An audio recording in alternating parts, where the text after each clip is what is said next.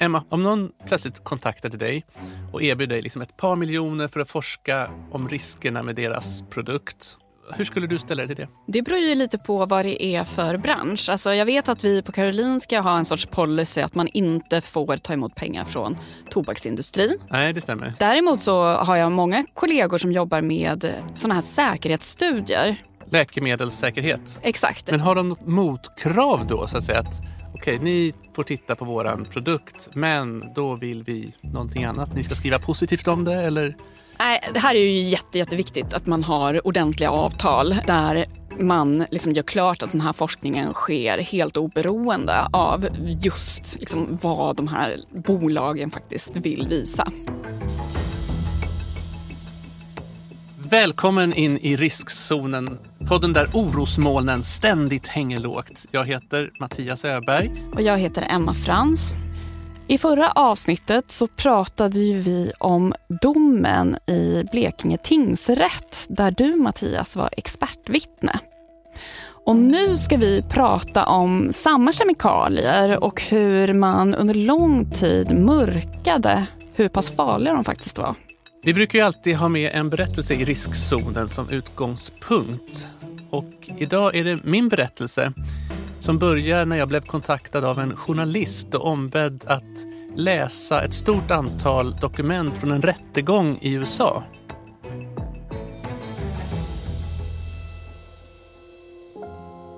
I Washington är det en utfrågning i amerikanska representanthusets miljöutskott. This committee has heard stories of families whose babies have had their brains damaged for their entire lives by PFAS chemicals, women who have been rendered infertile for their entire lives, people whose families have been torn apart by lupus and diabetes, and who have lost many family members to this disease. Utanför byggnaden flanerar turister längs The Mall på väg mellan sevärdheterna i den amerikanska huvudstaden. Det är den 10 september 2019 och 30 grader varmt utomhus. Men luftkonditioneringen håller temperaturen sval i den stora salen där utfrågningen äger rum. Independent scientists have looked at this data, all of the data, and confirmed links with human disease. Bakom ett långt podium vill upprörda och allvarsamma politiker veta vad amerikanska kemiföretag känt till om riskerna med PFAS. En grupp av tusentals kemikalier där många är giftiga, hälsofarliga och svårnedbrytbara. Would you say that this represents typical behavior for 3M? That the company has a track record of trying to suppress harmful information related to its firefighting foam and PFAS products? Yeah, what I can tell you is, in our experience in litigation with 3M, one of the very first things 3M did was go to the court to get what is called a blanket protective order, trying to keep the information about the toxicity, the risks of these chemicals within the company. Det plingar till i mobilen. Jag får ett e-postmeddelande från en journalist med en länk som leder mig vidare till bevisuppgifterna från utfrågningen i USA. Mitt uppdrag är ofta att skumma stora mängder vetenskaplig text, men detta liknar inget jag tidigare tagit del av. Där finns kopior på hundratals dokument. Med allt från forskningsrapporter till handskrivna lappar. Intern e-post, reklamblad och ekonomiska redovisningar listas huller om buller. Ett av de äldsta dokumenten är från 1940-talet och består av en patentansökan från ett företag i USA som kallar sig Minnesota Mining and Manufacturing, 3M. Idag ett internationellt glomerat med nästan 100 000 anställda och en årlig omsättning på 32 miljarder dollar. Patentansökan handlar om en metod att skapa en ny typ av fluorinerade kolväten, PFAS. Jag scrollar vidare genom dokumenten och hittar en reklamannons från 1961 i Life Magazine med texten “You can relax if your smart wife makes sure your family's nice things are protected with Scotchgard. På bilden sitter en man i en fåtölj medan hans fru kommer in snett bakifrån och sträcker fram en bricka med ett cocktailglas. De ser lyckliga ut och ler mot varandra. Det är modernt, det är praktiskt, det är snyggt och bekvämt. så dyker upp ett brev i dokumentlistan. Ett brev som skickades till 3M den 15 oktober 1975. Brevet är undertecknat Dr. Warren Guy, en forskare från Florida University. Warren är analytisk kemist och har analyserat sitt eget blod och gjort en oroande upptäckt. Hans eget blod, liksom ett hundratal prov från bloddonatorer i fem olika städer, innehåller organiskt bundet fluor av samma typ som 3M tillverkar. Redan 1975 står det alltså klart att allmänheten i USA har mätbara halter av PFAS i blodet. Det är minst sagt överraskande. Alltså inte att PFAS kan hittas i blod, utan att brevet har skickats för så länge sedan. 1975. I förhöret i Washington redogör Laurie Swanson, före detta statsåklagare från Minnesota, för att riskerna med PFAS varit väl kända under flera decennier. 3M knew about the risks of the chemicals to the drinking water, the environment, and human health for decades, but concealed its knowledge, subverted the science, and kept pushing the chemicals out the door. Jag tänker tillbaka till mina år som doktorand och minns när nyheten om PFAS diskuterades intensivt efter en miljökonferens i Barcelona år 2002. Där hade den världsberömda professor Paul Gysi just rapporterat en banbrytande upptäckt. Han hade för första gången hittat PFAS i miljön. I allt från sälar och isbjörnar i Arktis till floduttrarna i nordvästra USA och pingvinerna i Antarktis. Upptäckten ledde till att 3M tog ett unikt initiativ och valde att sluta tillverka det nyupptäckta miljögiftet. Jag läser brevet från Dr. Warren Guy en gång till och frågan blir hängande i luften. Vad hände egentligen mellan år 1975 och 2002? Varför var det just dig han kontaktade den här journalisten? Nej, men jag har forskat en del på den här ämnesgruppen och hur man har gjort riskbedömningar av det här. Så att jag känner ju till den forskning som görs idag kring PFAS som gruppen Så heter. du blev inte förvånad över att bli tillfrågad här? Nej, det händer ju att journalister hör av sig och de vill ha någon som förklarar men vad är PFAS, vad är det för risker med PFAS och så. Men det här var ju en fråga som var lite annorlunda. Ja, vad var det för fråga du fick egentligen? Nej, men han ville att jag skulle titta på materialet från den här amerikanska rättegången. Det är ingen liten uppgift. Nej, men det låter kanske lite snabbt att säga, men när man börjar gå in och titta på hundratals dokument. Då ångrar du att du hade tackat ja? I början när jag såg listans längd så var det lite oj, det här kommer ta lite tid. Men sen började jag läsa. Får du göra det på arbetstid då? Jag började på arbetstid och sen så blev det ju liksom sena kvällar och nätter för jag kunde inte sluta läsa. De här privata breven från anställda som försöker lyfta den här frågan internt, hur forskarna internt på företaget diskuterar hur de ska kunna knyta an akademiska forskare på ett sätt som gör att produkten ska kunna fortsätta att säljas år efter år. Så helt plötsligt blir det här också en fråga om fri forskning och hur oberoende forskningen verkligen är. Ja, men hur tänker du kring fri forskning? Är det viktigt? Ja, det är ju såklart jätteviktigt. Och vad menar du med fri forskning? Ja, men dels så handlar det om liksom akademisk frihet och sådär. Att man på något sätt ska kunna forska på vilka områden som helst. Att man inte ska undvika vissa typer av frågeställningar för att de kan vara kontroversiella. Så eller frihet att, man att kan välja få... forskningsområde? Ja, och att man inte liksom på grund av yttre påtryckningar ska styra vad man forskar på. Och här handlar det ju också om att ingen ska styra vilken typ av resultat som lyfts fram. Man brukar ju säga just att välja frågeställning, välja metod och också ha friheten att publicera det här är liksom tre enormt viktiga beståndsdelar i fri forskning och som också står inskrivet i våra lagstiftningar kring forskning i Sverige. Men sen så finns det ju då olika sätt att styra det här som blir väldigt tydligt när, ju mer jag läste i de här dokumenten.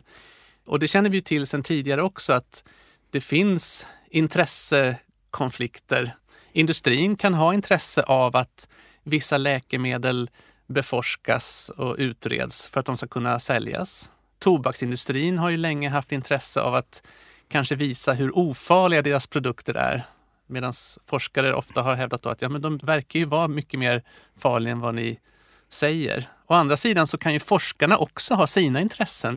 Det här hur viktigt det är att publicera, att få in anslag, att bli någon inom forskningen på det sättet. Och där kan man ju se att det nästan kan finnas ett incitament för att liksom larma.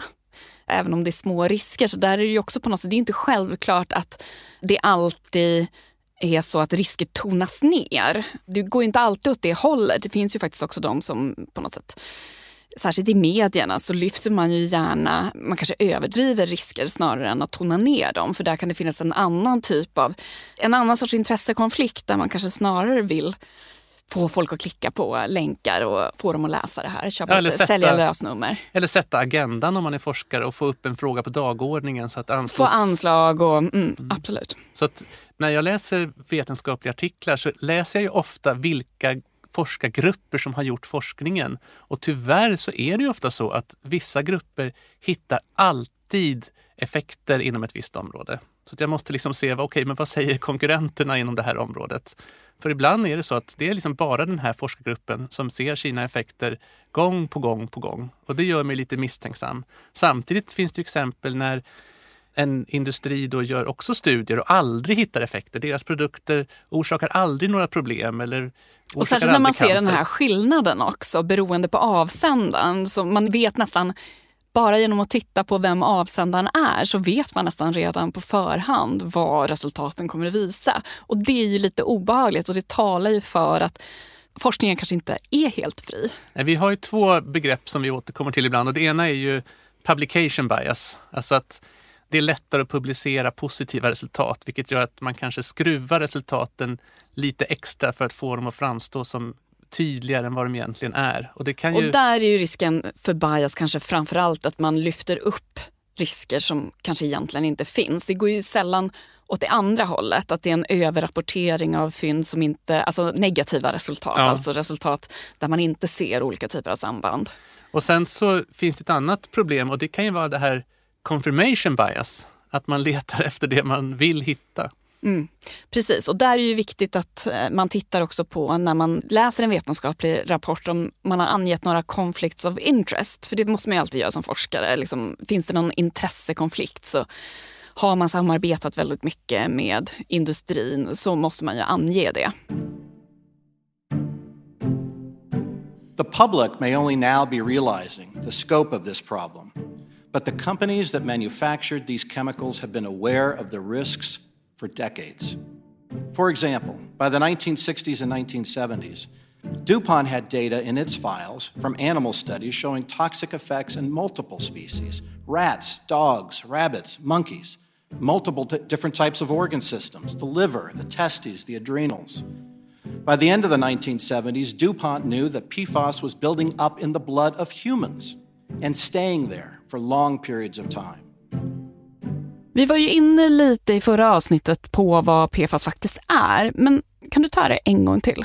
Alltså det är en grupp ämnen som är lite olika, men de har använts för att få bra ytor. Ytegenskaper som man gärna vill ha. Till exempel då att det kan stöta bort vatten och fett, vilket gör att du kan spraya det på mattor så hålls de ju otroligt mycket renare. Du kan impregnera kläder. Du kan göra teflon av det till exempel, stekpannor som gör att sakerna inte bränner fast. Den typen av användningsområden har varit superpopulära. Sen har du kunnat använda det till brandskum för det kan bilda liksom en film som kväver elden. Mm. Så det är otroligt användbara ämnen det här.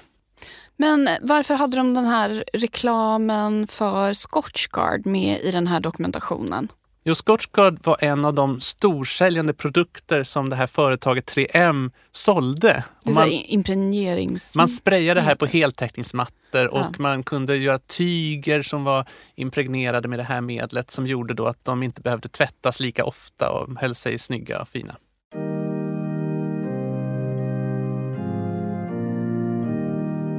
Det är söndag förmiddag. Jag går in och sätter mig längst bak i den svala kyrkan. Mässan har pågått ett tag och framme vid altaret läser prästen instiftelseorden till nattvarden. Han tar en oblat och lyfter upp det tunna brödet mot himlen. Detta är min kropp, som blir utgiven för er. Deltagarna svarar med en röst. Så är vi, fastän många, en enda kropp, ty alla får vi del av ett och samma bröd.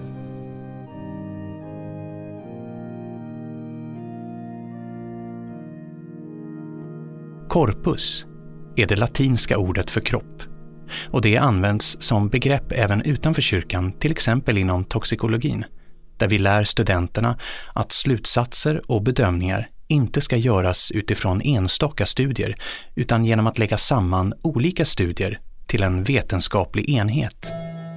För att bedöma riskerna med kemikalier som PFAS gäller att se helheten i den vetenskapliga kunskapsmängden. Vetenskapens korpus. Senare på kvällen sitter jag till sent på natten och läser i dokumenten igen. Ännu fler brev från den amerikanska rättegången dyker upp.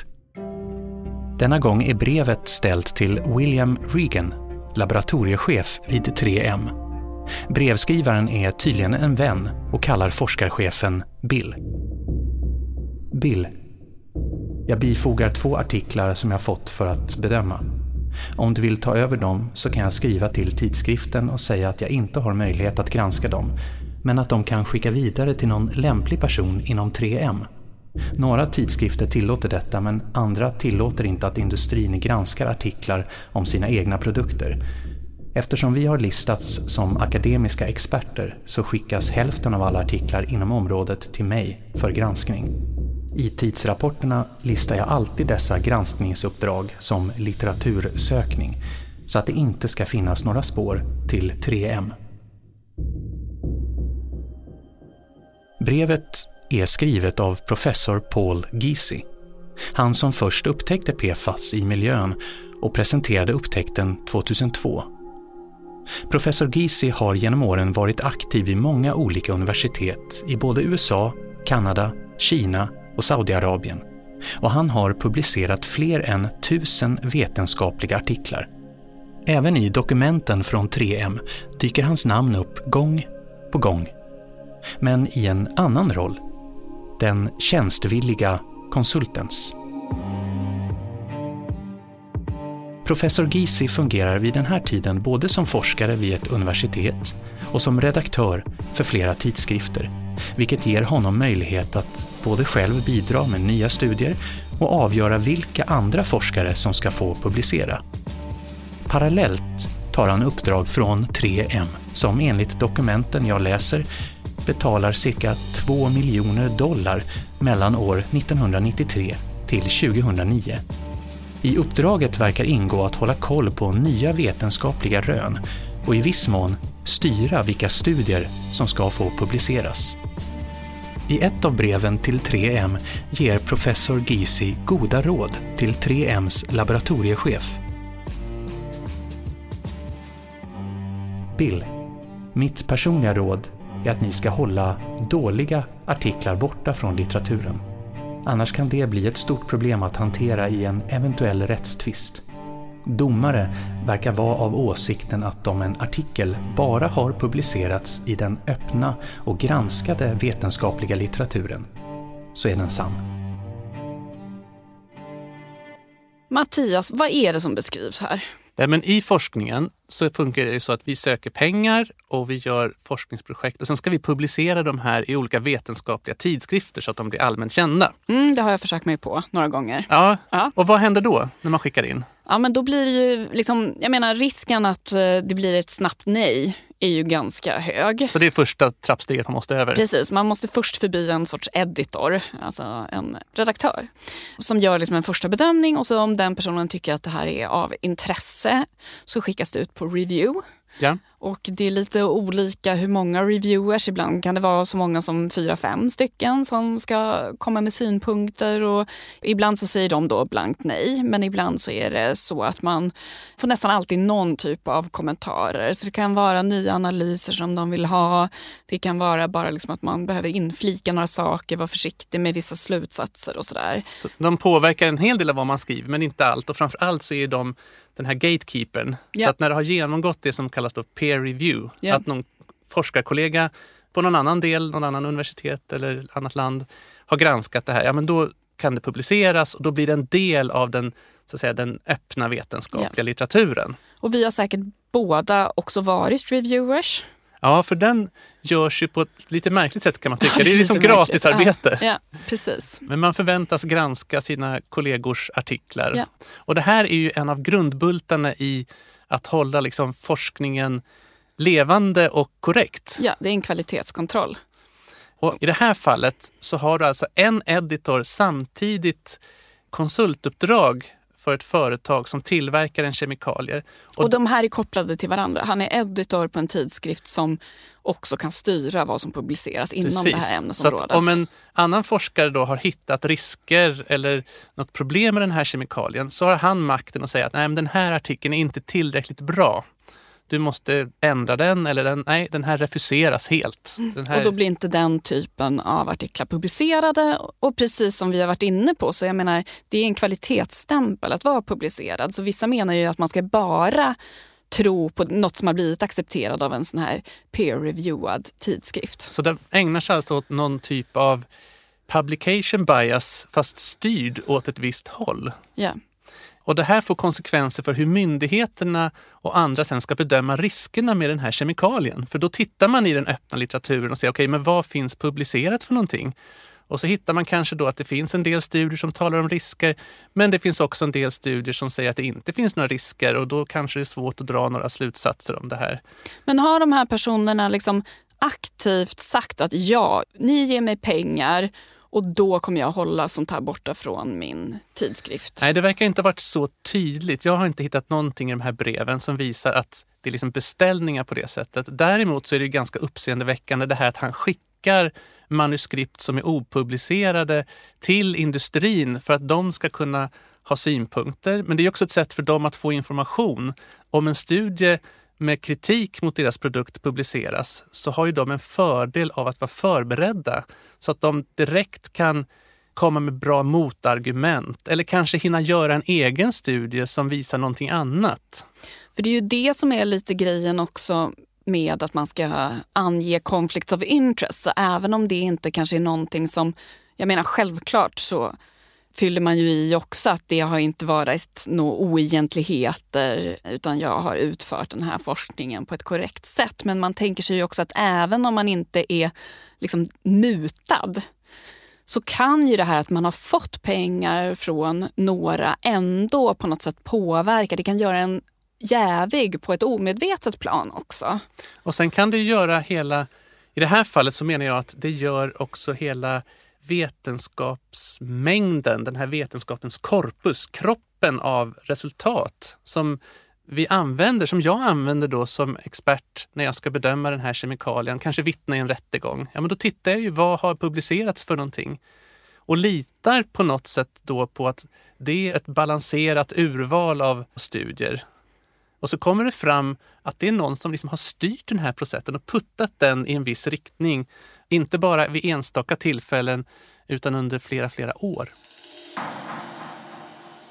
Jag fick möjlighet att prata om de här frågorna med Sven-Ove Hansson som är professor vid KTH och filosof och han har jobbat många år med just det här hur olika särintressen kan påverka forskning och hur man lätt kan gå fel i riskbedömningar. Generellt sett är det ju så att värderingar kommer in i forskningen på olika sätt. Och sen är det en av alla de uppgifter vi forskare har, det är att försöka se till att de inte kommer in på sätt som stör resultatens tillförlitlighet. Till stor del så sker det ju genom att forskare tänker på detta själva, att man inser att ja, jag är visserligen väldigt förbannad på det här och det här och tycker att detta och detta är viktigt men jag har ju inte något vetenskapligt underlag för att påstå det som jag tror stämmer. Och då får man låta bli att påstå att man har ett vetenskapligt underlag om man inte har det. Och det hjälps ju också väldigt mycket av att i många områden så har vi extremt välutvecklade metodkriterier som så att säga slår åt bägge hållen. Ibland kan det vara så att de statistiska principer och de principer för hur man ska bete sig i labbet som man har när man utvärderar en toxikologisk undersökning. Ibland kan det vara så att, att de principerna gör att den som vill hävda att någonting är ofarligt får det svårt och i andra fall kan det vara så att den som vill hävda att någonting är farligt får det svårt. Så att det liksom slår åt bägge hållen. Det finns någon form av sådana principer som då varje forskare själv tillsammans med de man samarbetar med ska se till att upprätthålla. Men sen har många också påpekat att det här kravet på forskningen det klarar vi bara av genom att det också finns kollegial kritik.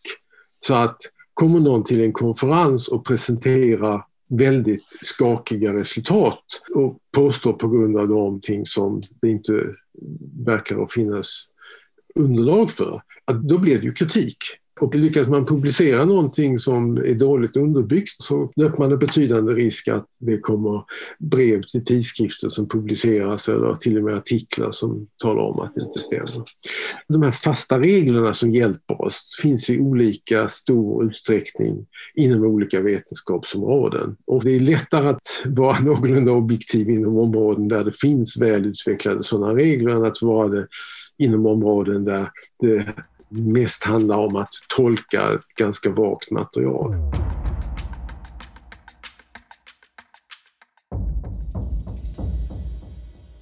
Tror du att det går att köpa forskare på det här sättet i någon större omfattning? Alltså, finns det en risk med att vi fokuserar så mycket på att publicera i fina tidskrifter och att det är den som drar in anslag som får tjänster och sånt? Alltså jag tror att det är viktigt att man fortsätter att utveckla Alltså jag menar just det här med vetenskaplig publicering och peer review, det är ju också en del av den vetenskapliga metoden. Det är ju liksom ytterligare en granskning i syftet att nå liksom riktig kunskap. Och det här är ju en utveckling som fortfarande pågår och jag tycker att det är viktigt att man fortsätter att utveckla de här systemen. Och just nu pratar man ju ganska mycket om att man ska publicera saker öppet, att man ska ha en mer öppen review-process. Mm. Att det finns en sorts transparens också i hur just publiceringsprocessen går till. Sen så finns det ju problem med det också. Vi har ju sett det under pandemin att man liksom publicerar saker öppet före granskningar och då kommer det ut väldigt mycket skit också inom citattecken. Men dålig forskning kommer ju ut och, och medierna skriver om studier som sen inte visar sig hålla kvalitetsmässigt. Så att det finns ju problem med det också. Men jag tror att man fortsätter faktiskt att att man är lite medveten om den här problematiken och att man försöker också utveckla metoder för att komma runt det här. Mm. Det är i början av 1990-talet och vi är ett tjugotal unga män som sitter i Luftfartsverkets buss på väg mot en brandövning på Arlanda flygplats. Iklädda vita hjälmar overaller i tjockt mörkblått tyg och stora mörka kängor närmar vi oss ett rostigt flygplansskelett som står uppställt i terrängen. Det är lite av en pojkdröm att få leka brandman ett par dagar. Morgonen har inletts med föreläsningar om hjärt-lungräddning. Vi har lagt varandra i framstupa sidoläge och lärt oss dra medvetslösa personer över det gulorangea golvet. Och nu ska vi äntligen få se lite riktig eld och med hjälp av skum släcka ett brinnande flygplansvrak. Ingen av oss ägnar en tanke åt vad skummet innehåller för kemikalier. Men på andra sidan Atlanten samlas samtidigt en grupp forskare inom 3M för att diskutera en ny handlingsplan för att hantera riskerna med de kemikalier som finns i brandskummet, PFAS. Ännu återstår flera år till dess att problemen med PFAS kommer att presenteras som en vetenskaplig upptäckt och ytterligare ett decennium tills mätningar visar att dricksvattnet i Sverige blivit förgiftat nära flera flygplatser där brandskum används vid övningar. 3M skriver i sitt strategidokument från 1995 att det gäller att ligga steget före myndigheternas lagar och regler. Samtidigt skriver man att målet är att fortsätta sälja PFAS så länge som möjligt och inom så många användningsområden som möjligt. Nästan 30 år efter min egen brandövning på Arlanda flygplats sitter jag vid köksbordet och läser ännu ett dokument från 3M med rubriken Command the Science. Att styra vetenskapen. Det innehåller en lång lista med åtgärdsförslag. Det handlar dels om att samla information från vetenskapliga konferenser och artiklar, men också om att knyta kontakter med utländska forskare och om att planera för när de egna forskningsresultaten ska presenteras utåt. Kontakter med forskare vid universiteten knyts på flera sätt. Vissa forskare får betalda konsultuppdrag medan andra får en friare typ av finansiering. Genom de utvalda forskarna får 3M både insyn och möjligheter att styra vilka forskargrupper som ska dominera forskningsfältet. Det underlättar såklart också att man har goda kontakter med de redaktörer som bestämmer vilka som får publicera sina studier i vetenskapliga tidskrifter. Systematiskt formar företaget på så sätt den vetenskapliga kunskapsmängd, den korpus, som ska ligga till grund för myndigheternas beslut. Och det verkar fungera.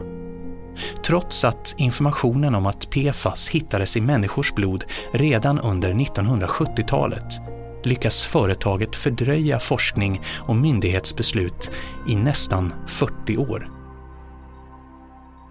Inte förrän 2011 upphör användningen av det giftiga brandskummet i Sverige.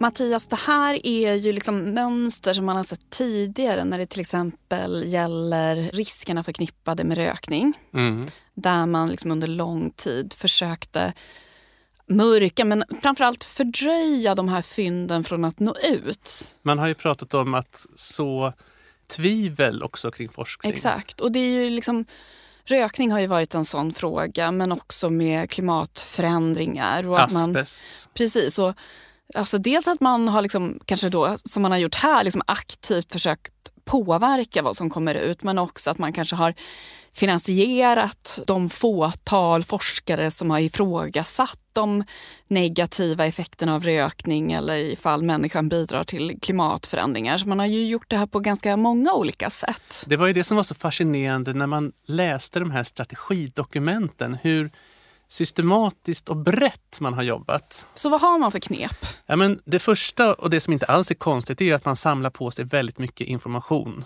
Man, kunskap är makt. Kunskap är makt och man vill vara snabbt ute så man är med på alla vetenskapliga konferenser och möter forskarna direkt när de presenterar sina resultat.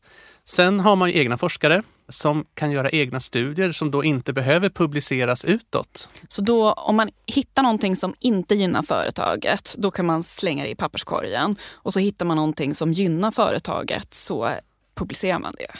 Ungefär så. Och även i de fall där man är skyldig att publicera negativa studier så kan man ju så att säga det är till exempel om man har en studie som man måste registrera innan. Precis. Ja. Eller om du upptäcker saker som kan göra arbetsmiljön farligt. Då är du skyldig att, så att säga, rapportera om det här såklart. Men då men, kanske man kan linda in det lite? Ja, men ofta kan man ju lägga ganska mycket resurser på att försöka bortförklara det här och Just göra nya det, det studier. Det fanns lite skillnader och, mellan de här grupperna som vi jämförde. Och för varje ny studie som tar ett halvår, ett år att göra så kan du fortsätta att sälja din produkt. För det är först Just när informationen det. är känd som myndigheterna kan reagera. Och att det står helt tydligt. Precis. Så det, är det andra skälet. Men sen det här hur man köper forskare sker på lite olika sätt. Det finns exempel i det här. Ingen har försökt köpa mig. Nej, det är konstigt jag är lite faktiskt. besviken. Du kanske är för dyr. Jag kanske är för dyr. Nej, men jag tror inte jag har verkat inom ett sånt typ av område. Det kan säkert variera beroende på vad man forskar på. Ja, det skulle vara intressant att veta hur omfattande det här är i Sverige. I de här dokumenten så ser jag i alla fall att det finns exempel på dels rena konsultuppdrag. Att, så att säga, man anlitar en känd professor och ger honom ett halvfärdigt material som han kan så att säga, skriva under på att det här ämnet är ofarligt och på så sätt vinner man ju status. Och då står det ofta att finansiering har kommit från 3M till den här professorn. Så att det anges, men hans namn är ändå så här höjt över all misstanke. Ja, okej. Okay. Så det blir en kvalitetsstämpel? Det blir ändå en kvalitetsstämpel. Sen kan man ju då också ge som de kallar för alltså selektiv extern finansiering. Att man väljer ut någon forskargrupp och ger dem ganska mycket pengar för att de ska forska på den här produkten. Och det gör ju att deras forskning ganska snabbt kommer att, så att säga, stiga. De får mycket fler publikationer, det gör det lättare för dem att få andra anslag och på så sätt så styr man både vilka forskargrupper som blir framgångsrika och vilket fokus forskningen har. För då kan man ju välja att vi vill fokusera på den här effekten så man inte pratar så mycket om den här andra effekten. Just det, och det har vi ju sett tidigare när det kommer till till exempel rökning och mm. klimatförändringar. Så det finns de sätten också att styra forskningen. Och sen det som är lite unikt tycker jag ändå i det här, det är väl att man har kunnat se kopplingen också till redaktörerna på tidskrifterna. Att till och med de har så att säga, jobbat på två olika sätt. Att de har läckt information och att de har i vissa fall också då gett råd om att man bör undvika vissa studier för det kan bli problem i kommande rättstvister. Generellt är det ju så att det har betydelse för ett forskningsområde vem som finansierar. Och jag tycker att den enda tillfredsställande modellen för forskningsfinansiering är den där forskare ansöker om medel och det är forskare som bedömer kvaliteten i ansökningarna och vad som ska få pengar. Så sker det ju i vetenskapsråden i Sverige och andra länder. Det betyder inte att det inte kan gå snett där, men jag tror att risken är betydligt mindre för oönskade och för snedvridande inflytanden om man har ett sådant system.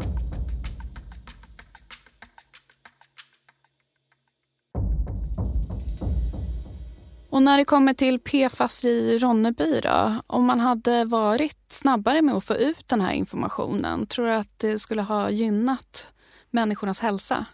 Absolut. Jag tror att det är väl botten i hela den miljöskandalen egentligen. Man började köpa in det här brandskummet i mitten av 1980-talet i Ronneby, eller den flygplats F17 som ligger utanför Ronneby.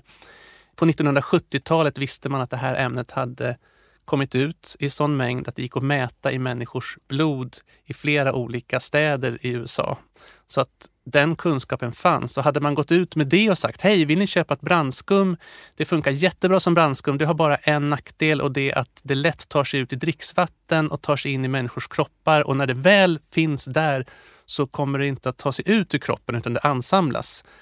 Då tror jag svenska försvaret och andra hade varit mycket mer återhållsamma med att använda det.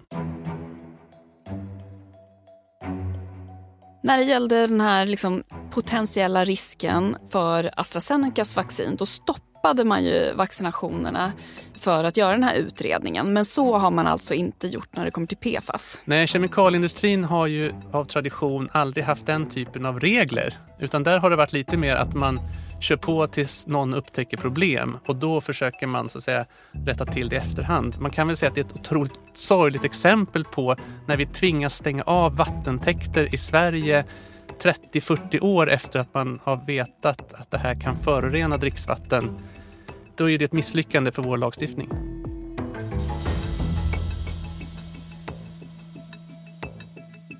Tack för att du har lyssnat på Riskzonen med mig, Emma Frans och mig, Mattias Öberg.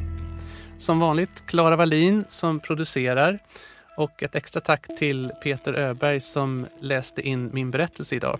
Och vi har spelat in det här avsnittet på Beppo och eh, vi vill tacka forskningsrådet Formas för ekonomiskt stöd. I nästa avsnitt av Riskzonen får du följa med till Japan. Vi ska prata om katastrofer och vi går på djupet kring vad som hände i Fukushima 2011 när man drabbades av inte mindre än tre katastrofer i rad. En jordbävning, en tsunami och härdsmälta i flera kärnkraftverk.